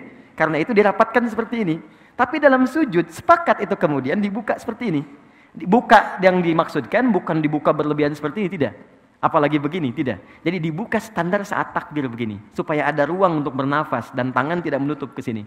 Apa prinsipnya? Sebab kalau prinsipnya tangan itu dirapatkan seperti ini, kemudian dibawa ke sujud, maka ini akan menutup diafragma yang menghambat kita bernafas dengan sempurna. Sudah posisi sujud darah berkumpul di otak, nafas kemudian ditarik, makanya ketika bangun kan ada terengah-engah. Karena semua darah diarahkan ke otak. Ini ditutup begini. Makanya ketika ada orang yang menutup, Nabi langsung marah. Jangan lakukan. Buka. Kalau bisa anak kambing bisa lewat, kata Nabi. Itu di zaman Nabi. Karena itu bukan berarti ketika Anda sujud, membuka berlebihan begini tidak. Yang dimaksudkan buka saja sedikit, ya kan? Sampai terbuka sehingga kita bisa bernafas dengan baik. Itu maksudnya. Jelas ya? Baik. Jadi ini disamakan dulu persepsinya.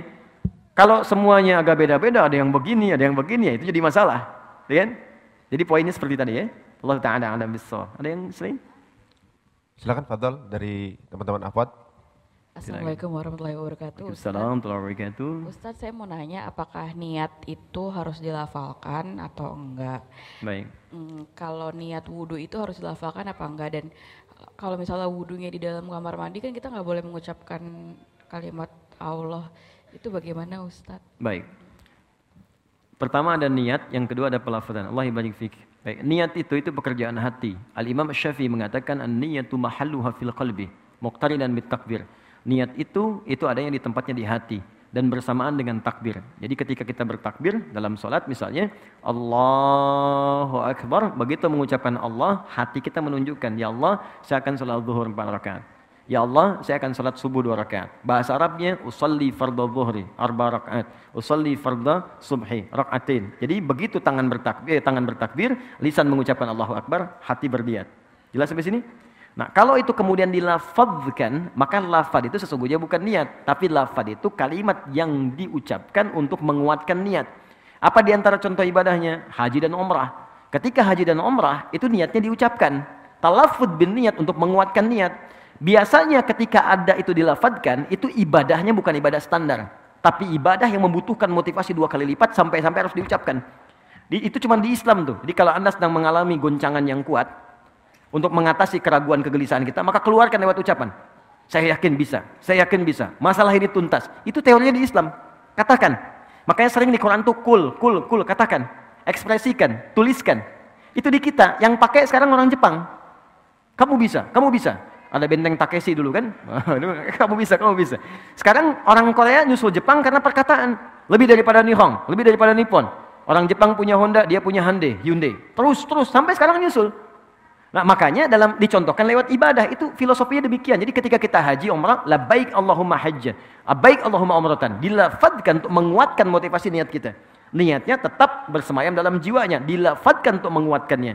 Nah, kasus lafad niat itu muncul, itu kasusnya muncul di masa abad-abad para orang-orang saleh setelah peninggalan Nabi sallallahu alaihi wasallam, peninggal sahabat, di tabi'in, kemudian ada pembahasan fikih Ya, itu di madhab syafi'i kemudian memberikan pandangan.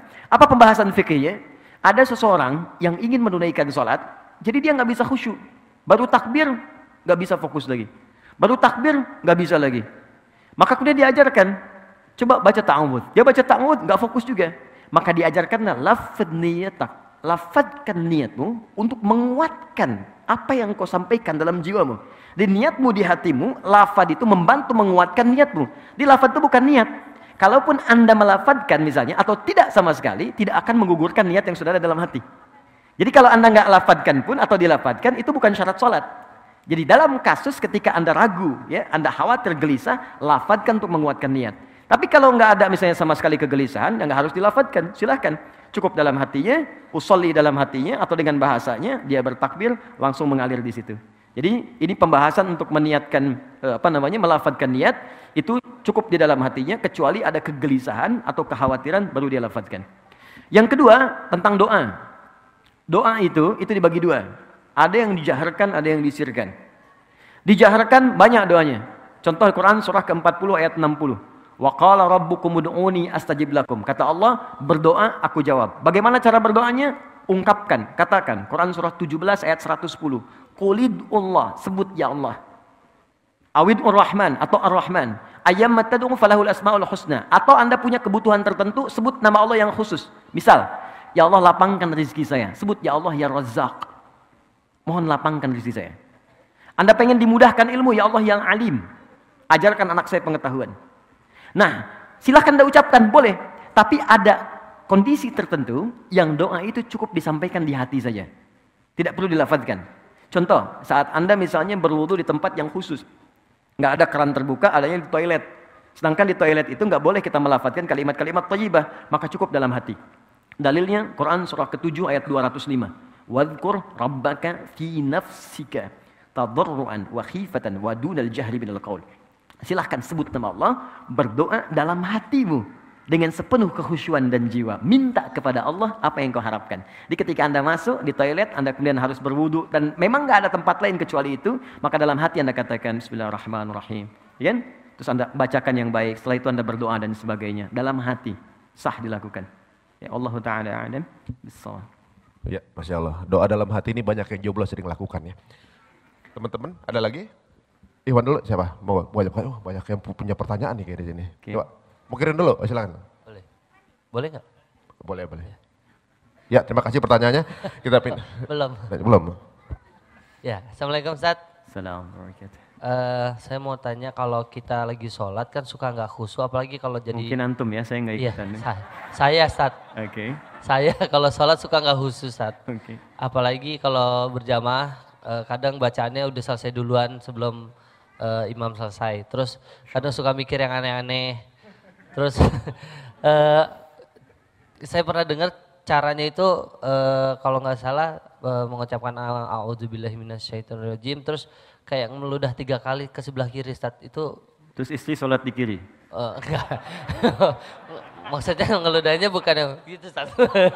nah itu saya pernah dengar apakah benar atau bagaimana caranya kalau kita lagi nggak khusyuk pas lagi sholat Ustaz? Apakah kalau diulang lagi dari awal kan nggak mungkin Ustaz karena lagi jamaah. Baik. Terima kasih. Jazakallah. sholat di mana? Di masjid Pak. Gue gak bakal ikutan. Baik, jadi fikih sholat dijawab dengan hadis tentang sholat. Muamalah dijawab dengan dalil tentang muamalah. Jangan masalah sholat dijawab pakai dalil zakat. Masalah zakat dijawab pakai dalil sholat. Itu tidak akan nyambung. Walaupun kadang-kadang kelihatan serupa. Jika ada kondisi dalam sholat yang membuat kita merasa seakan berubah dari kekhusyuan, maka ada tips langsung disampaikan oleh Allah dalam Al-Quran. Tipsnya di Quran surah kedua Al-Baqarah ayat 45 sampai 46. Kata Allah, "Wasta'inu bis-sabri was-salah, wa innaha lakabiratun illa 'alal khashi'in." Jika Anda punya persoalan dalam hidup, maka terima dengan sabar. Karena bukan Anda saja yang punya masalah, kata Allah. Semua orang punya persoalan. Bahkan Nabi pun punya masalah. Anda sakit, Nabi Ayub sakit. Anda dijahili orang, bahkan Nabi Yunus dilemparkan dari perahunya sampai ditelan ikan paus. Anda dilempari orang dengan kata-kata dicela, dihina, Nabi Muhammad dilempar pakai batu. Jadi kalau Nabi aja sabar, Anda yang bukan Nabi kenapa nggak sabar, kata Allah. Maka terima dengan sabar. Lalu minta solusi lewat sholat. Jangan didiamkan persoalan. Curhatkan, keluarkan. Didiamkan malah menambah penyakit. Curhat terbaik itu dengan Allah. Minta solusi. Karena Allah yang paling dipercaya. Manusia bisa mengingkari Allah tidak. Maka ayo bicara. Kata Allah bicara padaku. Punya masalah apa? Maka diminta kita untuk menyampaikan apa yang kita ingin keluhkan. Maka kita sholat. Tapi ingat kata Allah. Wa innaha lakabiratun. Sungguh sholat itu tidak mudah dikerjakan. Bayangkan ya teman-teman. Di situ ada sabar, ada sholat. Sabar saja itu tidak mudah. Tapi ketika sabar disandingkan dengan sholat. Itu sabar itu nomor dua. Sholat paling tinggi. Dan sholat itu nggak mudah dilakukan kata Allah. Illa alal khasyin kecuali bagi orang khusyuk. Nah sekarang kita tanya, bagaimana cara khusyuk ya Allah? Supaya sholatnya enak. Ayat 46 ya. Satu, Alladzina yadhunnuna annahum mulaqu rabbihim. Orang sholat kalau ingin khusyuk, maka persiapannya dimulai sejak sebelum dia sholat. Di khusyuk itu, ternyata tahap pertamanya bukan saat sholat, tapi sebelum sholat. Apa ciri pertamanya? Pertamanya dia masih ingat punya kerinduan untuk sholat. Dia ada rasa, ingat tuh, ingat tentang sholat. Misalnya sekarang nih, oh kayaknya udah dekat duhur tuh. Itu Anda sudah membayangkan begitu aja, udah disebut mendapatkan tahap pertama dari khusyuk. Ini berbahagialah kalau dalam keseharian kita masih ingat sholat. Artinya tahap pertamanya kita dapat, tinggal step selanjutnya kita ikuti. Yang paling bahaya itu kalau sudah nggak ingat dan nggak peduli dengan sholat. Jadi kalau masih ada gambaran kita masih ingat untuk sholat, bahkan mengingat apa yang belum kita kerjakan, asar jam berapa nanti ya? Maghrib jam berapa ya? Itu tandanya kehusuannya meningkat. Step keduanya, kata Allah, dia menyiapkan pertemuan denganku. Ya dhunnuna annahum mulaqu rabbihim. Dia menduga dengan kuat, bersiap akan berjumpa denganku. Oke, Mas eh, Mas Harun misalnya, saya ingin tanyakan begini. Saya panggil Harun boleh ya? Oke. Temannya apa namanya? Temannya Musa.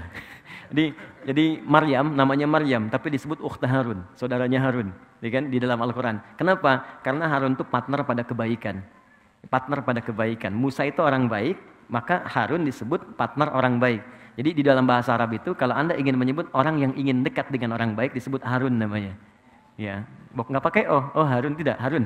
Ya, Harun. Jadi kalau ada orang Arab bilang gini, hey Harun misalnya kan, atau ya ukhta Harun itu artinya, eh kamu tuh kayaknya baik deh gitu, kamu orang baik.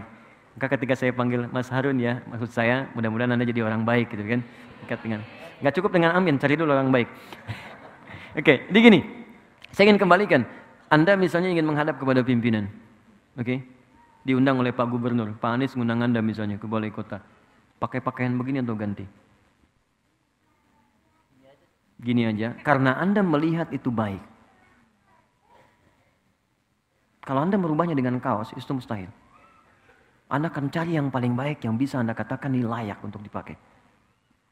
Anda menghadap orang saja, Anda diundang dalam resepsi, Anda cari yang paling bagus. Sekarang Allah mengundang Anda lima kali dalam sehari. Dan memberikan bahkan apa yang tidak Anda mintakan. Saya mohon maaf ya, mohon maaf. Orang yang mengundang Anda belum tentu menyelesaikan masalah Anda. Ini Allah sebelum mengundang kita udah menanya, meminta pada kita, kamu punya masalah apa? Ayo mintakan padaku. Engkau butuh, aku berikan. Kau sakit, aku sembuhkan. Kau ingin rizki, aku penuhi. Di Anda bayangkan, dan tidak ada yang mengundang itu lima kali dalam sehari. Allah undang kita. Makanya Allah balik nanya, kamu diundang manusia, penampilan kamu begitu bagus. Kenapa diundang saya pakaian begini? Makanya turunlah Quran surah ke-7 ayat 31. Kata Allah, lihat kalimatnya, ya bani Adam, khudhu zinatakum 'inda kulli masjid. Hei anak cucu Adam, kalau ada panggilan dari masjid, cepat kenakan pakaian terbaikmu. Jadi ternyata penampilan itu itu step kedua untuk menghadirkan kekhusyuan. Beda antara Anda sholat pakai kaos misalnya. Ya. Apalagi olahraga pakai jersey, sholatnya pakai kaos itu juga. Ya, depan Liverpool, belakangnya MU misalnya kan. Ya, bingung. Ya, malaikat juga bingung ini sebenarnya mana gitu. Ya. Oke. Okay. Jadi Anda olahraga, silakan olahraga. Menghadap kepada Allah, cari pakaian yang paling bagus. Dan bahasa Qurannya zina. Zina itu yang paling indah. Yang kamu rasa itu yang terbaik. Bukan mahal. Yang paling indah, yang kamu rasa itu yang paling bagus. Yang paling baik. Kenakan itu. Dan rasanya akan lain. Begitu Anda kenakan pakaian yang paling enak, paling bagus, kenakan parfum untuk laki-laki. Begitu Anda lakukan seperti itu, itu step yang kedua. Yang ketiga, ini poin yang paling dahsyat. Perhatian kalimatnya wa annahum ilaihi rajiun. Dan rasakan kenapa engkau kenakan pakaian bagus itu yang paling halal menghadap Allah karena mungkin itu sholat terakhir kamu yang kamu lakukan ketika kamu akan berpulang kepada Allah. Di kalau anda ingin khusyuk sebelum sholat, rasakan mungkin itu sholat terakhir sebelum kita pulang kepada Allah. Karena itu imam mengatakan solu sholatan muwadda. Artinya, sholatlah teman-teman seperti halnya ini sholat terakhir yang kita kerjakan dalam hidup. Baik, saya mau tanya siapa yang tidak akan wafat, boleh angkat tangan? Oke, okay, jadi semua wafat. Siapa yang tahu kapan wafatnya? Tidak ada yang tahu. Mungkin hari ini terjadi? Mungkin. Kenapa ringan sekali lisannya mengatakan itu? Yang paling indah, ketika kita sujud, di situlah maut menjemput. Itu yang paling indah. Maka kata Allah, kita nggak tahu kapan kita wafat, maka bayangkan saat sholat, mungkin itu sholat terakhir yang kita lakukan sebelum kita wafat. Dan biasanya, maaf ya, orang-orang soleh itu sebelum meninggal, itu suka dikasih petunjuk oleh Allah. Kullu nafsin maut. Setiap orang wafat akan merasakan maut. Tapi tidak setiap yang merasakan maut punya persiapan untuk menghadapi maut. Saya bagi yang terakhir kisahnya. Saya kedatangan tamunya, namanya Pak Maliki. Beliau punya istri sangat soleha, Masya Allah. Dan saya sangat menyayangi keluarga ini. Tinggal di daerah, sekarang jadi petani. Tadinya guru, bu. Punya anak di kampus. Anaknya memutuskan untuk berhenti kuliah. Untuk berbakti pada ibunya. Ibunya kena diabetes. Dan uh, sudah berpengaruh pada organ, jadi mata udah nggak bisa melihat jelas, telinga sudah tidak bisa mendengar dengan baik, dan gigi sudah mulai mulai copot ya satu. Anaknya merasa kalau saya kuliah, ini biayanya akan ketarik ke kuliah. Maka anaknya memutuskan berhenti untuk berkhidmat kepada ibunya dan agar fokus biaya untuk pengobatan ibunya.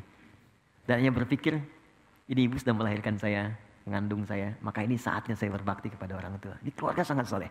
Tapi ibu Maliki ini, ini kisah nyata, dan saya pernah bertemu keluarga ini. Dan baru beberapa pekan lalu suami ini datang ke, ke Bekasi dan menginap ikut kajian. Dan Masya Allah, ibu ini tidak pernah mendengar kajian sampai ke telinga beliau, kecuali pasti ingin minta diantar oleh suaminya datang. Ini ahli majlis talim. Walaupun dalam keadaan sulit akan minta digendong. Pak tolong antarkan, Pak tolong antarkan. Antar pakai motor dan sebagainya. Tapi apa yang terjadi? Senin saya ditelepon, saya masih ingat dulu saya pulang dari Tripoli, ditelepon sore-sore. Tiba-tiba sembuh. Sembuh teman-teman. Di Masya Allah. Dan dalam sembuhnya beliau datang ke kamarnya. Ini kisah nyata. Dia beliau buka. Dibuka lemarinya. Terus cari pakaian paling bagus. Dipakai oleh beliau dandan gitu. Udah gitu masuk ke ruangan tengah dipanggil anak-anaknya dengan suaminya. Pas sini, nak sini datang gitu kan. Masih kaget gak bisa tanya, kok bisa seketika gitu. Sehat, sembuh, datang. Terus minta bikinkan susu katanya. Dibuatkan susu. Dibikinkan duduk semua, tengah, duduk. Kemudian minta pada anaknya untuk dibacakan Al-Quran. Nak coba baca Quran deh. Anaknya baca. Allahu Akbar saat baca, semua masih heran, masih menikmati bacaan. Tiba-tiba tangan yang menggenggam anak dan suami itu menjadi kaku. Ternyata saat dibacakan Quran itu, beliau sudah pulang menghadap kepada Allah Subhanahu wa taala. Wafat dengan dibuatkan minuman air susu oleh anak yang pernah disusuinya. Dan wafat diantarkan dengan bacaan Al-Quran pada anak yang pernah dididiknya. Dan wafat dalam keadaan mengenakan pakaian terbaiknya yang paling halal yang ia miliki untuk menghadap Allah Subhanahu wa taala. Karena itu Allah katakan, kamu kenakan pakaian paling bagus ketika berjumpa denganku. Karena itu mungkin saat terakhir engkau hidup di dunia menjadi hamba dariku. Maka dari itu saya ingin katakan, kalau ingin khusyuk, ingat-ingatlah satu saat kita pulang. Yang terakhir kata Al-Quran, berusaha memahami apa yang kita bacakan dalam sholat. Supaya pikiran kita tidak liar. Itu ada di Quran surah ke-29 ayat ke-45. Utslu ma uhya ilaika minal kitab wa aqimis sholat. Sebelum sholat, kata Allah, bacakan dulu. Bacaan-bacaan sholat, pelajari sampai paham, setelah paham, kerjakan. Mulut berbicara Allahu Akbar, pikiran menerjemahkan Allah Maha Besar, hati meresapi Allah, aku berikrar engkau yang Maha Besar. Kenapa aku merasa sombong pada orang lain? Aku merasa tinggi dibanding orang lain. Aku merasa hebat dibanding yang lain. Maka Anda rendahkan diri Anda di situ. Kalau pikiran kita otomatis menerjemahkan, maka dia tidak akan liar. Tidak akan terjadi lisan Allahu Akbar, pikiran mencari kunci. Pikiran membalas WA dan sebagainya. Mustahil. Karena semua terfokus untuk menghadirkan keagungan Allah Subhanahu wa taala. Saya kira itu yang terbaik yang bisa saya sampaikan. Teman-teman, kita sudah tiba waktunya sholat untuk waktu zuhur. Saya kira pertanyaan beberapa yang masuk nanti saya coba kumpulkan saya coba mungkin buat satu uh, hal yang khusus dalam bentuk video-video khusus. Mungkin saya tandai ini dari musyawarah, jadi nanti saya kirimkan via teman-teman, Mas Dimas atau Mas Ari, nanti bisa di forward ke teman-teman yang mungkin ada pertanyaan-pertanyaan tertentu. Secara umum, mungkin nanti bisa di-share di grupnya musyawarah. Saya tidak ingin menunda waktu sholat karena kita sudah tiba waktunya praktek sekarang. Uh, saya mohon izin mungkin setelah sholat saya uh, harus pamit, tidak langsung berlanjut. Tapi saya ingin menyampaikan satu dua pengumuman dulu sebelum uh, teman-teman beranjak untuk kita menunaikan sholat dan berdoa sebelumnya. Pertama, kami memohon doa, saya akan mengirimkan beberapa siswa keluar untuk bisa meneruskan apa yang telah saya bangun. Jadi saya ingin ada kaderisasi ke depan, karena saya kan tidak akan hidup selamanya juga, mesti ada orang lain yang meneruskan. Saya bangun beberapa tempat sekarang ada pusat Quran, ada masjid dan itu semua kami wakafkan untuk umat Islam karena Allah. Jadi saya nggak memiliki aset, nggak ada apa pun. Bahkan kendaraan pun saya serahkan semuanya sepenuhnya untuk Quantum Akhir itu. Saya cuma numpang pakai aja. Maksud saya kalau kita wafat itu bisa diteruskan oleh orang. Nah saya sekarang akan kirimkan hari Kamis 25 orang ke Sudan untuk belajar dan kami biayai itu dengan beasiswa. Ada yang ke Turki, ada yang di Madinah, ada yang di Mesir. Jumlahnya ke Sudan 25 orang, total 35. Bahkan ada satu kampus yang hanya menerima penghafal Quran. Karena di situ akan disiapkan jadi ahli Quran betul. Dengan semua ilmunya. Nah insya Allah mereka ini 3-4 tahun akan kembali lagi. Dan kami sekarang sedang bangun center.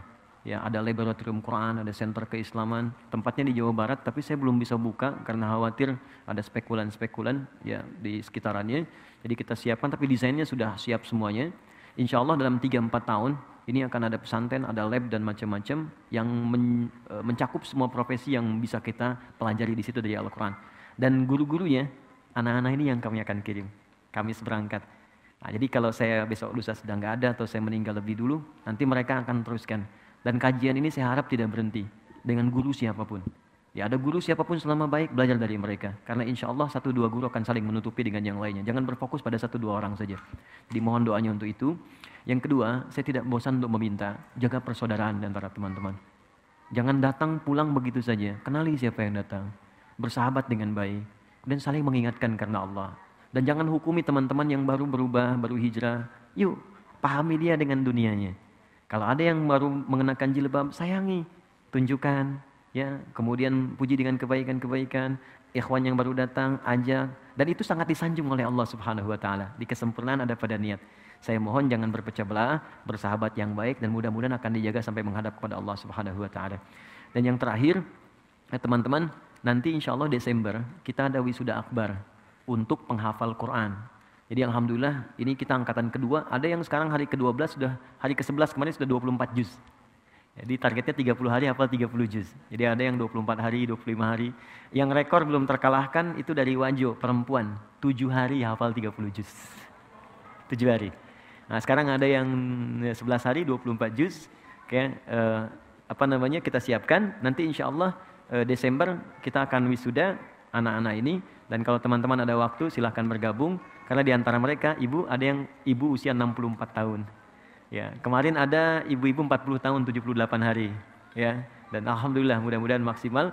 Nanti kalau teman-teman ada waktu silahkan kita bisa nikmati bagaimana mereka bisa share dengan nilai-nilai kebaikan.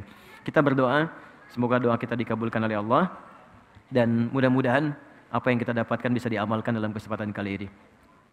الحمد لله رب العالمين الرحمن الرحيم مالك يوم الدين إياك نعبد وإياك نستعين اهدنا الصراط المستقيم صراط الذين أنعمت عليهم غير المغضوب عليهم ولا الضالين. اللهم ربنا لا تدع لنا في مقامنا هذا وفي كل مقام ذنبا إلا غفرته. Ya Allah kami mohon ya Allah kami mengakui kami tidak sempurna. Banyak berbuat kesalahan dan dosa. Jika ada satu pun hambamu di tempat ini yang datang dengan lumuran dosa kami mohon ya Allah dengan keikhlasan amalnya jangan biarkan dia meninggalkan ruangan ini kecuali engkau telah ampuni seluruh dosa-dosanya. Allahumma wala hamman illa farajtah Ya Allah kami manusia biasa yang mungkin gelisah dalam kehidupan maka kami mohon kepadamu, jika ada satupun hambamu berada di ruangan ini, yang tengah merasa gelisah dalam jiwanya, jangan biarkan dia meninggalkan tempat ini, kecuali engkau telah tenangkan keadaan hatinya. Allahumma wala asiran illa yassartah. Ya Allah kami mohon, jika ada siapa pun hambamu yang tengah mengalami kesulitan saat ini, sulit di rumah tangganya, pekerjaannya, atau kehidupan sosialnya, maka mohon dengan sifat kasih dan sayangmu, mohon angkat dan ringankan segala persoalan hidupnya ya Rahman Rahimin.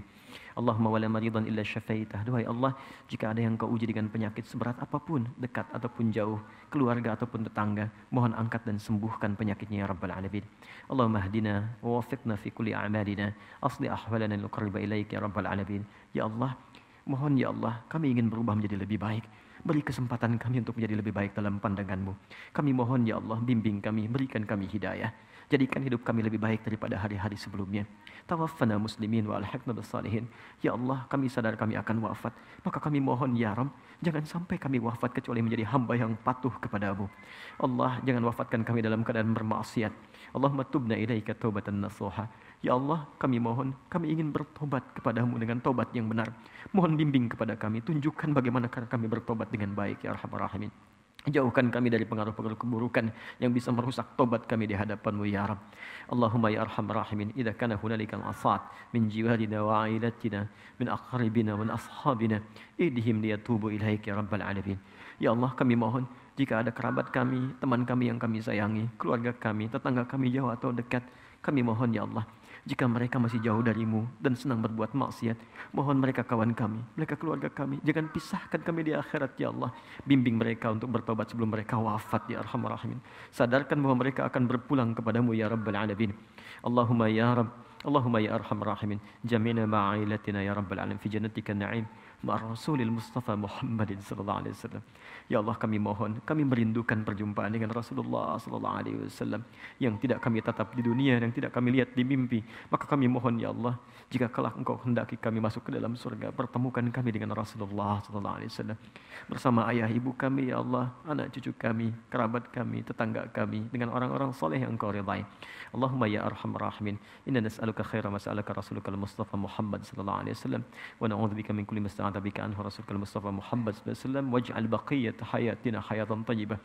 Ya Allah kami mohon jika memang kami masih ada peluang untuk hidup pada lembaran hari-hari ke depan Maka mohon jadikan sisa hidup kami sisa hidup yang lebih baik dari sebelumnya.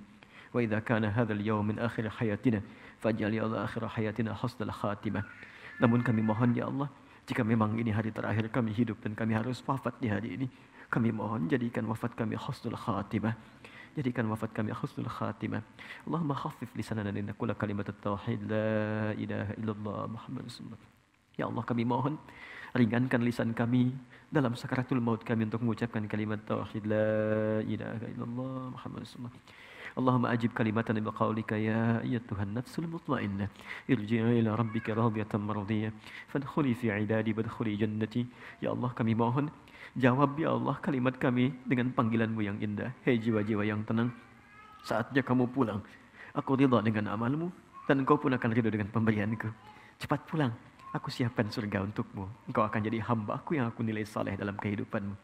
Allahumma ya Rabb, laqad asayna walidina wa asayna ya Allah azwajana wa asayna auladana wa dhurriyyatana. Allahumma tubna ilaika arhamar rahimin. Ya Allah, kami telah berbuat maksiat yang tak terlukiskan bahkan kepada kedua orang tua kami. Ya Allah, kepada suami istri kami. Ya Allah, kepada anak-anak kami, tetangga kami. Jika mereka masih hidup, ya Allah, berikan kami kesempatan untuk memohon maaf kepada keduanya. Jika mereka telah wafat, bimbing kami untuk beramal soleh agar memberikan cahaya bagi keduanya. Allahumma kami mohon ampun jika memang kesalahan di anak-anak kami karena dosa kami. Kau sayang terhubung di keluarga kami karena perbuatan kami. Maka mohon ampuni dosa-dosa kami ya Arhamar Rahimin.